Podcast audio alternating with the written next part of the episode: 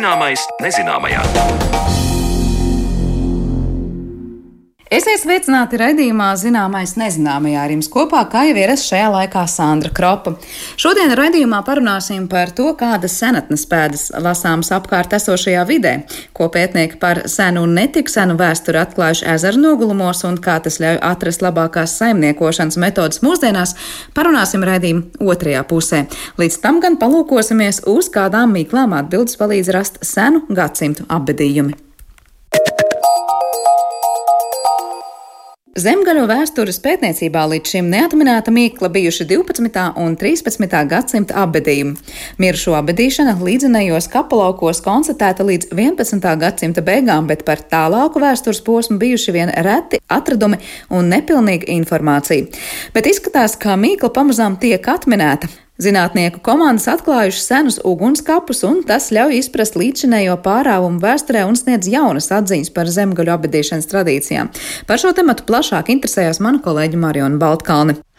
Latvijas Universitātes Latvijas Vēstures institūta arheoloģijas nodaļas zinātnisko asistentu, kā arī Tērvetes vēstures muzeja vadītāju Normundu Jērumu jau vairāk nekā 20 gadus nodarbinājusi problēma, ka mums praktiski nav bijis nekādas informācijas par vienu no interesantākajiem zemgaļu pastāvēšanas posmiem krusta karu laikā proti trūcis ziņu, kā tad izskatījās senie zemgaļi, kā viņi bija bruņoti un kādi bijuši ar šo laiku 12. un 13. gadsimtu saistītie abedījumi. Šis divu gadsimtu posms bijusi mīkla gan latviešu, gan lietuviešu pētniekiem. 5. un 6. gadsimta kapu uzkalniņu tradīciju nomainījuši labi izsekotie līdzenie kapu lauki ar skeleta abedījumiem 11. gadsimtā, bet tālāk viss it kā izbeidzas. Tiesa bija gan zināmi arī 40 abadījumi no šī vēlākā posma, starp tiem 17 bijuši ugunskapi, tomēr ļoti postīti un kontekstu no tā saprast nevarēja. Kā vienīgais labā stāvoklī esošais abadījums, kas sniedzis informāciju par zemgaļu rotām, bijis ceraugstes podiņu abadījums Bauskas novadā. Turpina Normons Jērums. Abadījums Bauskas ceraugstes podiņos un arī varbūt citi abadījumi mums nelika teiksim, aizdomāties līdz tam, ka mums varētu būt arī cits apbedīšanas veids, jo konkrēti Bauskā mēs fiksējam no nu, tradicionāli zemgaļiem mirstus, skeletu apbedījumus līdzinā kaplaukā, un līdz ar to mums likās, ka, nu, protams, ka arī visiem pārējiem apbedījumiem būtu jābūt līdzīgiem. Mm. Bet mhm. kāpēc mēs viņus nevaram atrast, tad tā mums palika joprojām mīkla. Un sakiet, lietuviešiem tas bija aktuāli arī tāpēc, ka tas zemgaļu izplatības areāls sniedzās arī mūsdienu Lietuvas teritorijā agrāk, pareizi? Jā, bet daudzi cilvēki varbūt pat nezina. Faktiski var teikt, ka uh, Latvijas teritorijā ir varbūt puse tikai zemļu apdzīvoto zemju platības. Uh, liela daļa ir arī Lietuvā, un tās ir ļoti lielas platības, sākot no biržiem, beidzot ar možaikiem. Ja, līdz ar to tad, uh, no, daļa lietuviešu varbūt varētu pat uzskatīt, ka zemdeļu zemes lielās ir varbūt Lietuvā, nevis Latvijā, un Latvijā tikai tāda pierobeža. Ja, un, nu, bet, protams, mums par laimi Latvijas teritorijā ir lielākie centri, ja, kā Pērvita, Mežotne, un, protams, visas, teiksim, politiskā un ekonomiskā kardarbība norisinājās tieši pie mums Latvijā. Mums jau aizdomas nelielas bija, ka varbūt tomēr zemgaļiem ir tie ugunskapi, jā, viņus, bet mēs nekādīgi nevarējām to, teiksim, pamatot, un mēs nevarējām arī pierādīt. Jā, mums bija neliels skaits ugunskapu, kas ir atrasts zemgaļu līdzinājos kaplaukos. Bet jāsaprot to, ka uh, parasti šos ugunskapus skaidroja to, ka viena daļa ugunskapu tā ir blakus robeža līnija ar uh, kuršu apdzīvotām teritorijām. Un arī tiek minēta šī lielā kurša ietekme uz zemgaļiem, un varbūt, varbūt daļa no šiem abadījumiem nav zemgaļi, bet varbūt tie kuršu abadījumi nevis zemgaļi. Tāpat laikā mums, protams, bija atrast ugunskapi. Ugunskapos šie atsevišķi ugunskapi lika mums aizdomāties par to, ka varbūt zemgaļi ugunskapos trenēja tikai sabiedrības augstāko plānu pārstāvis. Tas bija izņēmuma kārtā un tas nebija ikdienas pasākums. Tātad hipotēžu bijis daudz, tieši tāpat nojausma, ka zemgaļiem ugunskapi varētu būt, bet iespējas kaut ko pamatot gan īsti nav bijis. Lielāka izpēta tērvetes senkapos notikusi ap 2008. gadu, un mērķis bija atrast iecerētos 12. un 13. gadsimta abedījumus. Vairums abedījumu atkal bijuši no agrākiem gadsimtiem, tomēr divi no tiem attiecināti uz ugunskapiem. Viens izpostīts, otrā atrasti kremēti kauli un senlietas. Taču arī šis atklājums sniedza vairāk jautājumu nekā atbilžu, tieši tāpat kā kurzemes teritorijā atrasts abedījums ar zemgaliskām rotām. Vai tas pieder kuršiem vai tomēr zemgaļiem? Tā vēl desmit gadu ilga neskaidrība, līdz pavisam nesen kāds godprātīgs cilvēks Tērvetes mežā uzgājis mantraču nozaudētas vai iznestas bronzas važiņu rotu fragmentāras daļas un darījis to zināmu arī pētniekiem. Pavals šim vīrietim, lai viņš aizbrauc un uh, mežā nostājās tajā vietā, kur viņš bija atradzis šīs rotas. Mēs ar GPS palīdzību nofiksējām koordinātus, kurā vietā viņš, viņš ir atradzis. Nu, pēc šī, šī, šī atraduma, ņemot vērā, kad uh, izskatījās, ka tās ir 12. gadsimta rotas, rotu fragmenti, tad dienā ziņoja kultūras mantojuma pārvalde minēto faktu, kad ir atrastas uh, šīs samlietas, un mēs norunājām, ka veiksim nelielas pārbaudas darbus tērvītas mežām. Nu, tā arī mēs principā nonācām līdz tērvītas mežam. Tad sanāk, ka tāpat ir zināmā mērā nejaušība, ja jūs saņēmāt informāciju par pēkšņu atradumu, kur īstenībā veikt tik dziļu izpēti. Jā, protams, dotajā brīdī tā ir vienkārši nejaušība, un mēs tos atbildījumus visticamāk nebūtu atraduši. Nu, man liekas, ka tuvākos gadus noteikti nebūtu atraduši, jo tomēr tērvītas meža masīvi ir lieli tie ir simtiem hektāru, un uh, var teikt, ka mums kaut kādā mērā paveicās. Tas, ka tērvetes mežos uh, ir uh, mums atgadījumi, to es gan zināju, tāpēc, kad uh, jau pirms tam ienāca informācija, ka uh, šie uh, nelegāli mantrači aktīvi darbojās tērvetes mežos un uh, meklē mantus, un uh, sanāk jau bija atsevišķi vietai iedzīvotāji kaut kādas fragmentāras mantus no meža nesuši, teiksim, tērvetes muzeju rādīt un dāvināt. Nebūtu tas neizslēdz, tad mēs, teiksim, ar laiku konstatēsim, ka konkrētam kaplaukam ir ļoti liela izmēri un uh, nav jābrīnās, ka starp teiksim, vienu abadīnu un otru abadīnu varbūt pat ir teiksim, vairāk simtus metru, varbūt pat kilometrus. Ugunskāpi ir specifiski ar to, ka tās ir zemē iedziļinātas ovālveida bedres 60 līdz 65 cm dziļumā un 40 līdz 50 cm diametrā. To apakšā parasti nogulst kalcinētie kauli, bet virspusē rotas.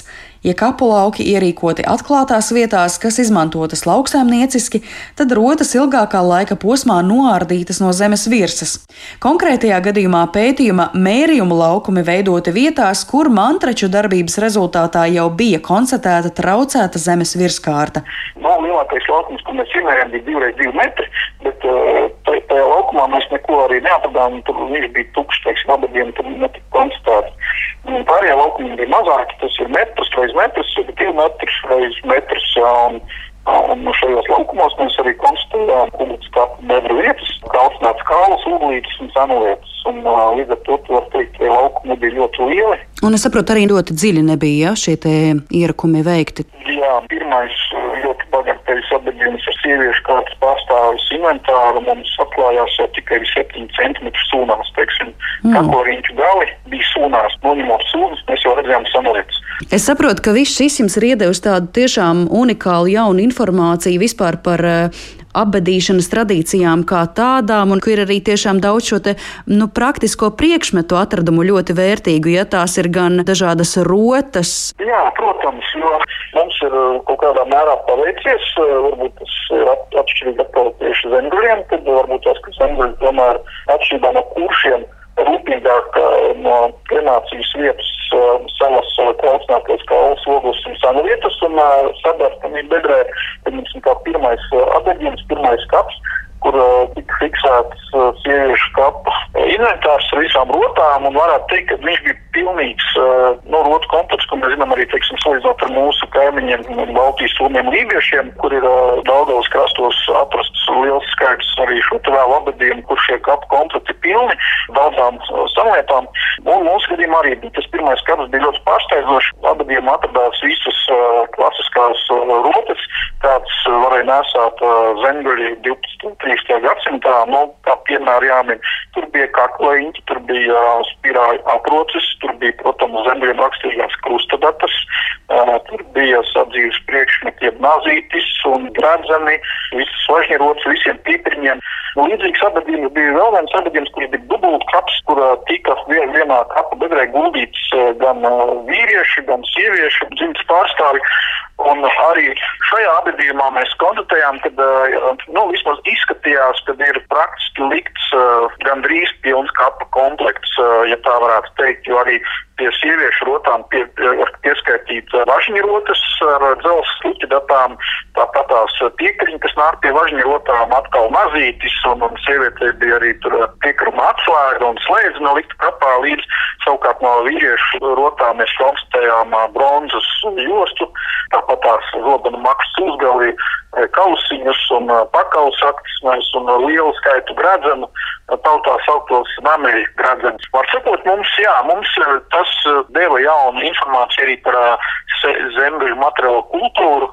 12. un 13. gadsimtā, un, teiksim, nu, manā skatījumā, ņemot vērā šo nelielo izrakumu laukumu platību un nelielo abadījumu skaitu, ko mēs konstatējām, mums tomēr izdevās iegūt būtiskas jaunas ziņas par zemgaļu pavadīšanas tradīcijām 12. un 13. gadsimtā.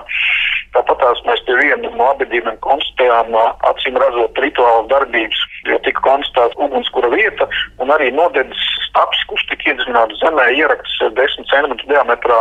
Nu, kāda bija šī staba funkcija abadīšanas laikā, mēs tikai, protams, varam minēt, bet acīm redzot, tika veikts atsevišķas rituāla darbības abadīšanas laikā un konkrētais stabs arī tika acīm redzot nodedzināts. Tas atkal mums dod kaut kādas jaunas šīs pārdomas, jeb jaunas, teiksim, liecības par abadīšanas tradīcijām zemgālē 20. gadsimtā. Atsaucoties Normunda Jēruma teiktajiem, šis ir vēl tikai sākums.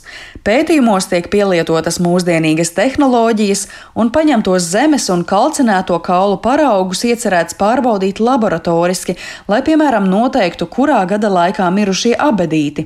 Ņemot vērā to, ka pirmajā abedījumā ar sievietes rotām atrasti priekšmeti, kas nav izteikti zemgaliski elementi, varētu arī izvirzīt pieņēmumus par ietekmēm no kuršiem vai vendiem, piemēram, vendu meitene, kas ieprecēta tērvetē, bet abedīte savā senču apģērbā. Te nezināmā vēl ir daudz, bet ir zināms tas, ka mirušo kremācijas un ugunskapu kultūra Latvijā saglabājas līdz 15. gadsimta sākumam, pamatā kuršiem, kad pilnībā notiek pāreja uz līdzenajiem kapu laukiem un skeletu abedījumiem, tāpēc Latvijas teritorijā vairs netiek konstatēti ugunskapu abedījumi. Zināms arī tas, ka laika zobs sēda vērtīgos senču priekšmetus. Tas nenozīmē, ja mēs šos abadījumus neskarsim, ja nepētīsim, kad viņi saglabāsies vēl tūkstotis gadus. Nē, tā nebūs, jo laiks prasa savu un arī, teiksim, laika ietekmē teiksim, neatgriezeniski tiek zaudētas liecības par mūsu senčiem.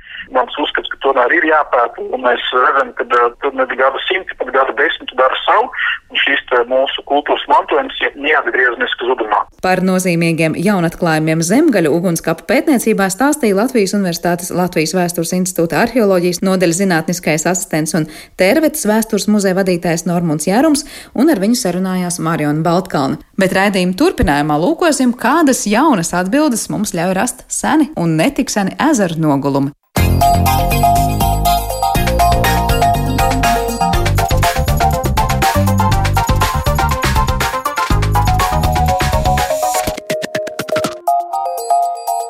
Zināmais nezināmajā.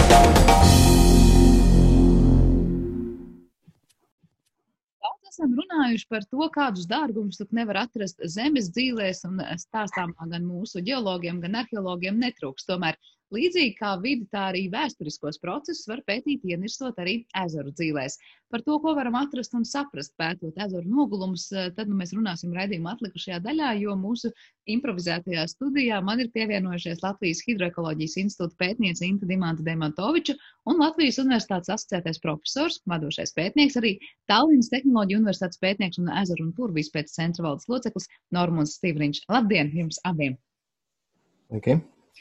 Pirms mēs pirms mēs sākam runāt par jūsu konkrētiem pētījumiem un arī varbūt secinājumiem un arī publikācijām, kas saprot, nu jau arī pavisam svaigas ir radušās, cik vispār izplatīta pieeja Latvijā ir pētīt ezeru dzīves, vai tas ir kaut kas maz pētīts, par maz novērtēts vai gan labi jau iepazīts? Jā, ezeri principā ir es teiktu, pārāk maz pētīti, bet nu, jau pēdējos gados arvien, arvien vairāk mēs nodarbojamies ar ezeru pētniecību tieši šādā rakursā, kad skatāmies, kas tad kā ir noticis. Un, nu, tā ir varbūt mazliet sarežģītāka visa darbošanās nekā, piemēram, urbt purvā, kur ir sauszeme. Līdz ar to ir nepieciešams specifisks aprīkojums. Tas arī limitē to un arī, protams, šīs zināšanas, kā tas tiek, kāds būtu jādara.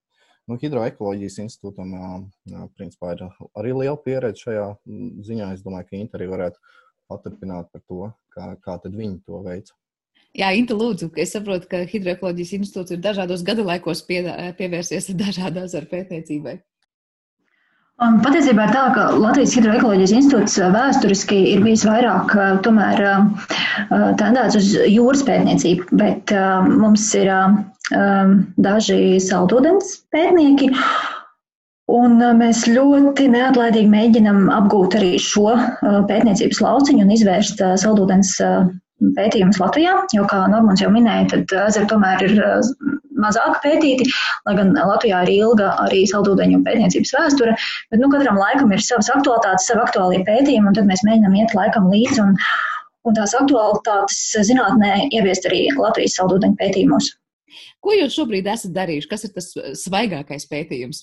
Mums ir nu pat, nu pat žurnālā Water publicēts pētījums, ko mēs veicām kopā ar daudzām citām zinātniskām institūcijām no dažādām valstīm par pagātnes apstākļu, ekosistēmas apstākļu rekonstruēšanu, pētīšanu ezerā, Latvijas ezerā. Tas ir Sekšu ezers, kas atrodas Pierīgā un ir daļa no Rīgas ūdens apgādes sistēmas. Kas īsti tur tika skatīts? Mēs ievācām ezerā nogulumus, kas tika datēti, lai varētu noteikt, cik tie ir veci, kādu laiku tie reprezentē.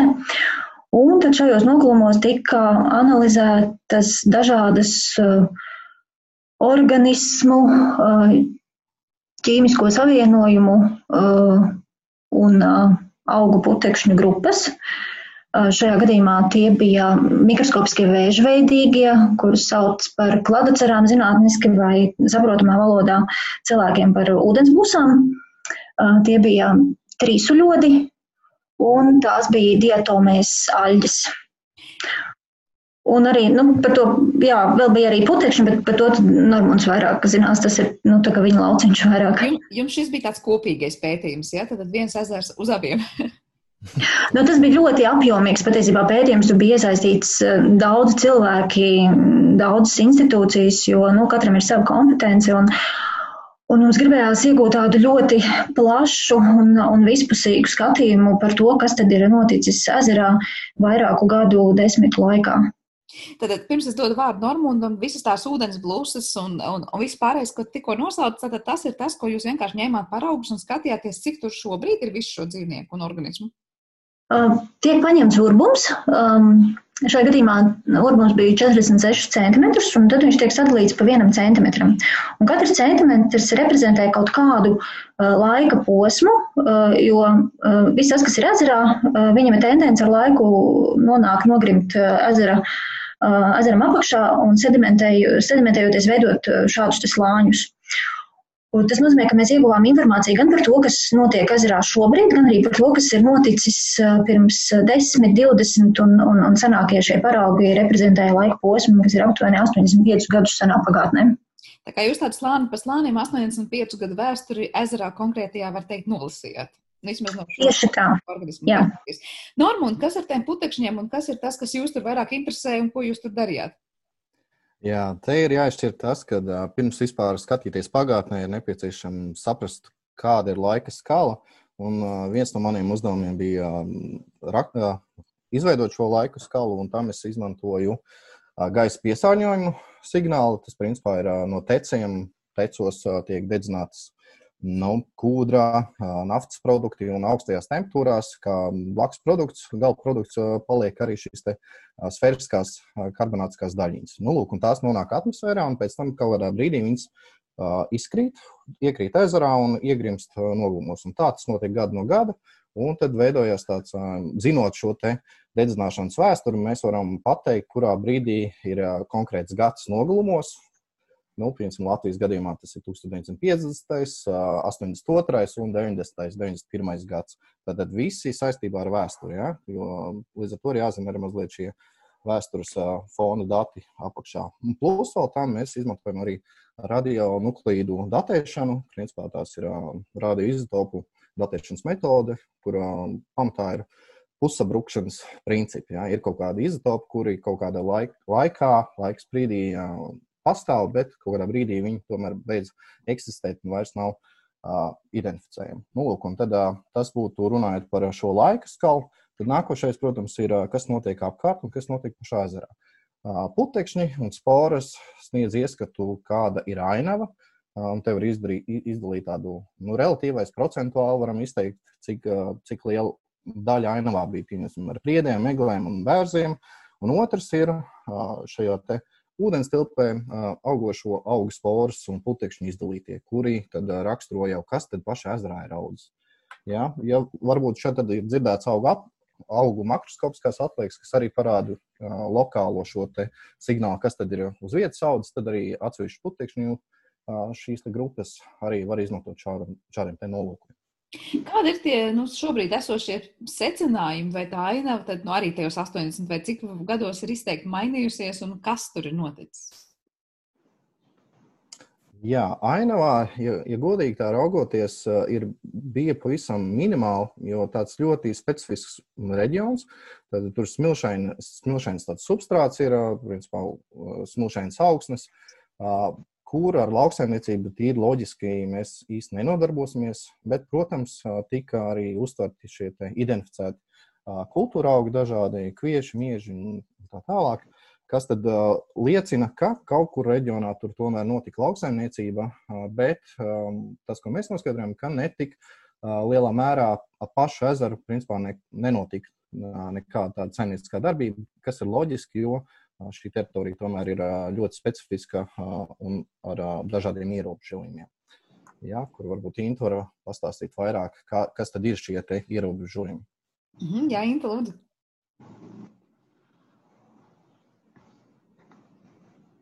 Inta, halo! Halo, man mazliet pazuda skaņa. À, labi, tad tikko Normons prasīja, vai tu vari pastāstīt par ierobežojumiem, kas ir tajā teritorijā, bet jebkurā gadījumā no vienas puses mēs dzirdējām to, ka lauksaimniecības, tad, nu, nekādas aktivitātes konkrēti ezeru krastos nav bijušas, jo pat augsne nav tik ļoti piemērot, bet Inta, kas ir cits varbūt no tām ietekmēm, ko, ko nācās secināt šī ezera? Kontekstā. Jā, tad, kad mēs izvēlējāmies šo ezeru pētniecībai, tad patiesībā mēs viņu izvēlējāmies kā to vietu, kas potenciāli varētu būt vismazāk cilvēka darbības skarta, jo ezers tātad ir daļa no Rīgas ūdens apgādes sistēmas. Un, tāpēc tam apkārt ir žoks, un piekļuve pie ezera cilvēkiem ir ierobežota. Šis ezers kopā ar citiem ezeriem, kas atrodas netālu, kalpo kā tāds dabīgs gruntsūdens papildinātājs, un, un tālāk jau gruntsūdeņi tālāk jau tiek izmantot arī apstrādājot dzeramā ūdens iegūšanai. Tāpēc arī mēs sagaidījām, ka šis ezers noteikti būs ļoti tīrs un, un, un arī, ka mēs to varēsim novērot, pētot ezera sedimentus, bet izrādījās, ka tā gluži nav. Jo um, laika gaitā ir bijuši dažādi um, apsaimniekošanas mēģinājumi, lai padarītu efektīvāku dzeramā ūdens ieguvi. Un uh, tā skaitā bija mēģinājums laika posmā no 53. līdz 65. gadam papildināt uh, gruntsūdeni, celt tā līmeni tādā veidā, ka tika papildināts pats uh, ezers ar ūdeni, savienojot to ar cauruļu vadu no Mazā Baltezera. Un, ja līdz tam laikam ezers bija salīdzinoši vēl ļoti tīrs. Savā laikā tas tika arī pieskaitīts pie tā saucamajiem lobēliju ezereņu tipa ezeriem. Tie ir ezeri, kas ir ar lielu taurdzamību, salīdzinoši tīri, un, un tos raksturo noteikti šādos ezeros atrodamas sugas. Tad šobrīd jau ir tā, ka šīs sugas praktiski tur ir izzudušas, vai arī viņas ir konstatējams tik, tik mazā. Nu, Putekšņu pētījumi tieši pierādīja, ka kaut kas tur vēl ir saglabājies, bet katrā ziņā noteikti nav tā augstvērtīgā kvalitāte kā, kā kādreiz. Un būtībā šī papildināšana ar ūdeni no mazā Baltazara, kas savukārt bija jau ar varības vielām salīdzinoši daudz bagātāks, ir izraisījusi tādas krasas ekoloģiskās kvalitātes izmaiņas vai pazemināšanos. Un to var novērot eh, tieši ilgā laika posmā, jo nekad jau nav tā, ka ezers papildinās ar barības vielām, un mēs uzreiz tā nākamajā dienā redzam, ka kaut kas ir izmainījies, sugas ir izmainījušās, un ezers ir, ir kļuvis eh, sliktāks ekoloģiskās kvalitātes. Tas tomēr ezeram ir kaut kāda noteikta spēja kaut kādu brīdi akumulēt šo piesārņojumu, bagātināšanos ar barības vielām. Un, un šīs sekas var uh, izpausties pat paiet vairākiem gadu desmitiem, kā tas arī noticis uh, šajā gadījumā. Jo mēs redzam, kā ir izzudušas tās vēžveidīgo sugas, uh, kuras dod priekšroku barības vielām nabadzīgiem ūdeņiem, un kā ir būtiski um, palielinājies to sugu daudzums, kas tieši ir raksturīgs eitrofiem, jeb barības vielām bagātiem ūdeņiem. Bet šobrīd, ja skatās vienkārši šo ezeru, tur tas dzirdrais ūdens vēl būtu, vai nu jau arī tas nebūs. Un var teikt, tās izmaiņas ir lasāmas jau ar aci saskatāmām vienkārši kaut vai ūdens slānī. Tur nav bez, bez putekšņa citu organismu pētīšanas ir skaidrs, ka kaut kāds piesārņojums nu, tur ir nācis klāt. Šobrīd ir tā, ka mērot, piemēram, vienu no tādiem rādītājiem, kā ūdens saurzemību, sezonas laikā tās vārstījās divu līdz vienu metra robežās. Savukārt, ja mēs skatāmies uz kaut kādiem senākiem datiem, tādām ļoti vecām publikācijām, tad tur varēja atrast informāciju pat par caurredzamību 5 metri kas ir, kas ir ļoti, ļoti daudz priekš šāda ezera, ņemot vērā to, ka maksimālais dziļums viņam vispār ir starp 6-7 metriem. Vai Jā, vai varētu atgūt šādus apstākļus, nu, nu, tas visdrīzāk nav iespējams, bet uh, paši, paši jaunākie sedimentu dati, kas ir tuvāk virspusē, tomēr liecina par to, ka tā ekoloģiskā situācija patiesībā nedaudz, bet, bet viņai ir nu, tendence iet tādā virzienā, ka viņa uzlabojās. Tā var vienkārši teikt, ka ieplūstot no mazā Baltazara ūdenim, kas bija daudz barības vielām bagātāks, nu, tur pienāca klāt ezeram visa, kāda, ko, ko tur īsti nevajadzēja. Tas nav tik vienkārši arī, jo Normīns minēja, ka tā apkārtne ir tāda, kur ir nu, tā diezgan smilšaina augsne. Un šis caurulīts viņš nebija patiešo pašā, pašā ezerā, viņš bija kaut kāda gabaliņa nos no ezera, un līdz ar to tam ūdenim plūstot uz ezeru, tur ir izskalota tā, tā kā grava, un, un augsnē diezgan daudz smilšu, līdz ar to arī notika erozija, kas nozīmē, ka notika liela daļa augsnes ieskalošanās ezerā. Uh, Plus vēl arī būtiski svārstījās ezera līmenis, un arī šis ezera līmenis svārstības arī ietekmē visu ekosistēmu. Tā kā tas bija tāds nu, komplekss kopums, un, un uz to tā arī būtu jāskatās, jo ir ļoti, ļoti grūti analizēt ezeru tikai pētot kaut kādu vienu elementu. Jo, piemēram, kaut vai tie paši vēžveidīgie, ko mēs pētījām un rekonstruējām, viņi atrodas starp um, fitoplanktonu, ar ko viņi barojās, un tālāk viņš šo enerģiju tālāk pārnes nākamajā līmenī, kas ir um, planktona ēdāja zivis. Un līdz ar to šie vēžveidīgie viņi sevi uzkrāja informāciju par uzmaiņā, izmaiņām, gan kas notiek, piemēram, ar ķīmiskiem fizikāliem parametriem ezerī, gan arī kas notiek, um, uh, kā mainās zivju populācija un kā tas viņus ietekmē. Un līdz ar to rekonstruējot tos um, apstākļus, un to, kā ir mainīsies mežveidīgo populācija, mēs uh, varam spriest par, par dažādiem citiem ietekmējošiem faktoriem un apstākļiem, kas ir ietekmējuši ekosistēmas attīstību. Kā jūs abi teikt, nu, skatoties uz tiem nogulumiem dažādajās desmitgadēs, vai šim ezeram ir bijuši tādi kā ziedu laiki kvalitātes ziņā? Nu, labi, Inti jau minēja tos 5 metru caurazamību, iespējams, tas ir tas laiks, vai jūs, nu, kā to definēt, kurā laikā šim ezeram ir klājies vislabāk, vai varbūt atbilstoši arī vissliktāk? Nu, es varu atbildēt, varbūt eh, nu, no savas skatu punkta. Uh, ezeriem vispār tā, ka nu, katrs ezers uh, savā, nu, katrs ezers vairāk vai mazāk, ātrāk vai lēnāk ir lemts aizaugšanai. Tas ir dabisks process, un tā tas gluži vienkārši ir. Bet tas notiek, var notikt ļoti, ļoti, ļoti lēnām. Un cilvēks ar savu darbību to arī var būtiski pātrināt. Un skatoties uz šo ezeru, pilnīgi noteikti tas lūzuma punkts ir bijis, kad ir izveidota sūkņu stacija dzeramā ūdens iegūšanai, un tas, protams, ir ļoti loģisks solis, jo dzeramais ūdens Rīgas pilsētā, kas tajā laikā strauji attīstījās, bija vajadzīgs. Bet tas nav tikai iegūms, tas ir arī attiecīgi kaut kāds zaudējums. Šajā gadījumā vidēji tas bija zaudējums par tādiem ziedu laikiem. Līdz ar to es domāju, varētu runāt par laiku pirms šīs stācijas izveidošanas. -hmm. Norma, kāds redzējums? Jā, es piekritīšu Intai, jo arī putekšņi uzrāda, ka piemēram, šīs lobēlīs ezerēns nu, bija vairāk tomēr pirms šī sūkņa stacijas izveidošanas. Un, um, jāpiemina, ka šis ir īstenībā ļoti, ļoti tāds neliels ezers, līdz ar to tādi mazi ezeriņi tiešām samērā strauji aiz, aizaugi, ceļš, ja viņi ir kaut kādā urbānā, pie urbānā teritorijā, tad uh, tur ir liela izaicinājuma, lai nodrošinātu šo tīrību pašai ekosistēmai. Ko nozīmē varbūt kaut kāda apkārtējo māju tuvums? Nav noslēpums, ka dažādos laikos bijušas dažādas arī problēmas un izaicinājumi kaut vai ar kanalizāciju, notekūdeņu attīrīšanu un savākšanu un novadīšanu. Vai tur ir iespēja skatīties, ka es nezinu, neobligāti varbūt pati kanalizācija, bet kāda cita, piemēram, mazgāšanas vai tīrīšanas līdzekļu klātbūtne ir bijusi klāt ezerā un darījusi savu? Tas pilnīgi noteikti. Nu, patiesībā tas jau ir tas, jā, ko tu tikko arī pat minēji. Šie, šī kanalizācija, kamēr nu, tā netika izveidota pietiekami attīstīta notekūdeņu attīrīšana, ja tas viss tieši vai netieši nonāk ezerā, tad ar laiku tam ir graujoša ietekme, jo nevelti ir ezeri Latvijā, kas ir eh, ļoti eitroficēti, aizauguši piesārņot tieši pateicoties kā tam, ka kādreiz viņiem blakus ir bijušas eh, fermas vai kādas ražotnes, kas notekūdeņus neatīrītā veidā ir, ir ievadījušas tuvāk apkārtnē vai patiešām ezerā. Tad šajā gadījumā jūs to esat redzējuši arī šim ezeram?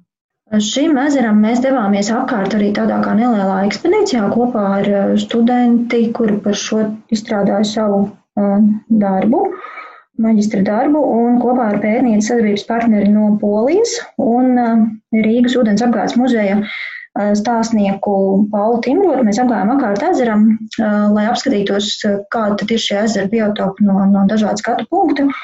Un arī, jā, mēs arī atradām to vietu, konstatējām, kur tad, kur tad ir šis cauruļu vats. Viņš joprojām ir tur, kur viņš ir, viņu var redzēt.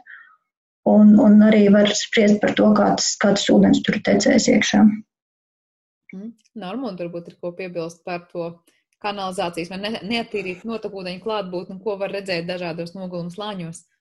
Jā, nu, te bija interesanti, kā pētot putekšņus, es atradu arī lenteņu oliņu. Tā kā es nezinu, vai tas ir tiešām mērā saistāms ar šīm notekūdeņiem, vai blakus vienkārši bija kādi dzīvie organismi, kuriem bija šī, šī, šie parazīti, bet nu, tas nu, norāda, ka arī šādi organismi, parazīti ir um, sastopami, to atliekas šādos nogumos. Uh, vēl jāpiemina ne tikai par Sekšu ezeru, bet arī par citiem Latvijas ezeriem, kas savulaik arī Līnas kaņeps, uh, nu, Līna vis, vispilgtāk tika mērcēti atsevišķos ezeros, ja, līdz ar to arī uh, tie šajā procesā stipri mm, piesārņoja šos ezerus un kļuva par eitrofiem, hipereitrofiem ezeriem. Nevelti mums ir vesela virkne ar līniju ezeriem, jā, tādiem nosaukumiem. Tātad tur, tur ir kaut kāda vēsturiskā saistība ar šiem uh, procesiem. Nu, jā, kanalizācija un um, fermas, tas ir tiešām vērā vēl joprojām redzams, piemēram, Mārēša ezerā, Trikāts ezerā. Uh, arī Lielajā Svētiņa ezerā, Austrum Latvijā, arī, ko vēl varētu minēt, vēl citi ezeri, kur ir pētīti, tur parādās šī pazīme, kad cilvēks ienāk, mainās šī politiskā kaut kāda un ekonomiskā virzība, prak praktizējušā lauksaimniecību, tad, tad, tad var redzēt šīs pazīmes, ka nu, izmainās kaut kas ezera ekosistēmā. Bet ja, interesanti, ka, piemēram, Trikāts ezerā, kur cilvēks jau sāk dzīvot pirms 3000, 3000 no gadiem, tad, pateicoties cilvēkam, lauksaimniecības dēļ, principā notika augstnes erozija, un pateicoties tam arī tajā ezerā kādu brīdi sāka augt mieturāģis, kas Eiropas Savienībā ir aizsargājamies biotops. Uh, savukārt, uh, pārāk lielai lauksaimniecībai, sākoties jau pēdējos 200 gados, tad šīs mietrāģis pazuda no šī ezera. Ja? Tā kā pie cilvēks var būt gan katalizators sliktākām sekām, gan arī šķietami pozitīva ietekme varētu būt arī atsevišķos momentos. Mm. Šeit mēs mazliet nonākam pie tā jautājuma, kas man visu laiku urdīna. No vienas puses ir ļoti interesanti klausīties par liekas, katru droši vien ka, konkrētu ezeru, varētu veikt šādus pētījumus un saprast, kas konkrētā vietā ir noticis dažādos laikos un kāda tur tam tālāk ir ietekme un, un cēloņi un seks. Bet vai jūs varat kaut kā pētot lūk, tādu vienu ezeru, tagad izdarīt secinājumus par daudziem citiem vai līdzīgajos apstākļos vai blakus esošā teritorijā? Nu, proti, kur mēs gūstam to tālāk kaut kādu nu, pielietojumu vai ieguvumu, ko no tiem jūsu rezultātiem mēs varam tālāk mācīties vai kur tos pielietot? Vai varam attiecināt uz citiem ezeriem? Normand?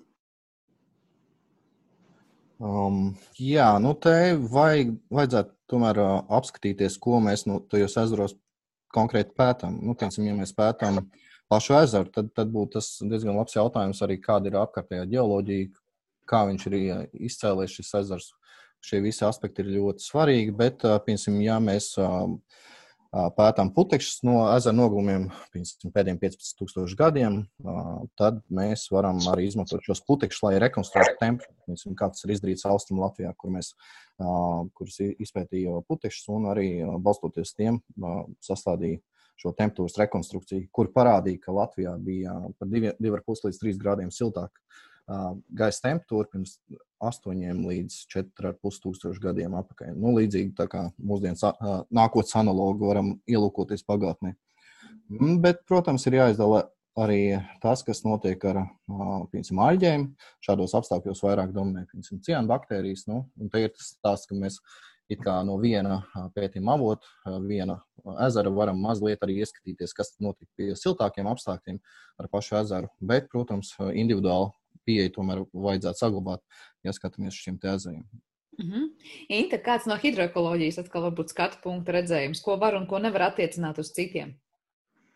Nu, šī nozara, paleolimnoloģija, zinātnes joma, viņa patiesībā ļoti plaši pielietojama. Un, piemēram, ievācot plašāku datu bāzi par, par dažādiem ezeriem, ko mēs arī labprāt gribētu nākotnē īstenot, ir iespējams eh, rekonstruēt eh, ļoti daudz un dažādus apstākļus un konstatēt pagātnes, kas ir pagātnē noticis ar vidi.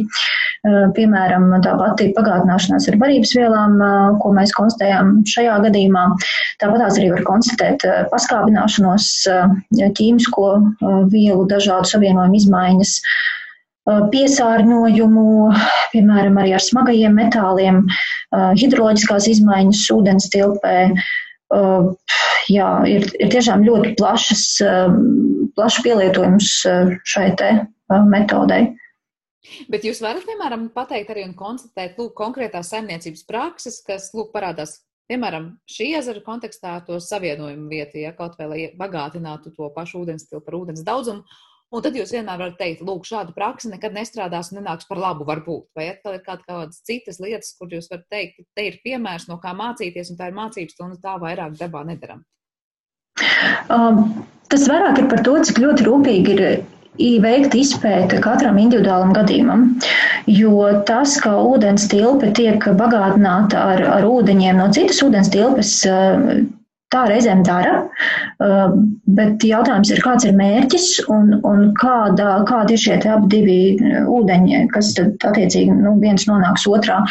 Jo, piemēram, Somijā ir diezgan bieži šādi gadījumi, ka kaut kādu iemeslu dēļ tiek papildināta ūdens tilpa.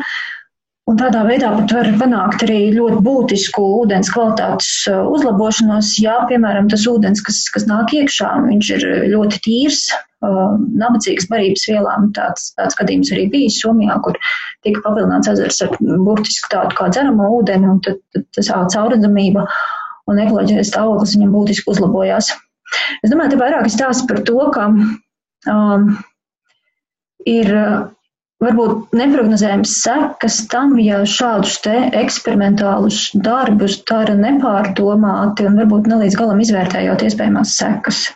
Jo neskatoties uz to, ka ir pagājuši jau vairāki desmitu gadi ar, ar šādu veidu pētījumu metodēm, mēs, mēs ļoti labi varam redzēt, kas notika šajos 50. un 60. gados, un ka tas par labu nenāca.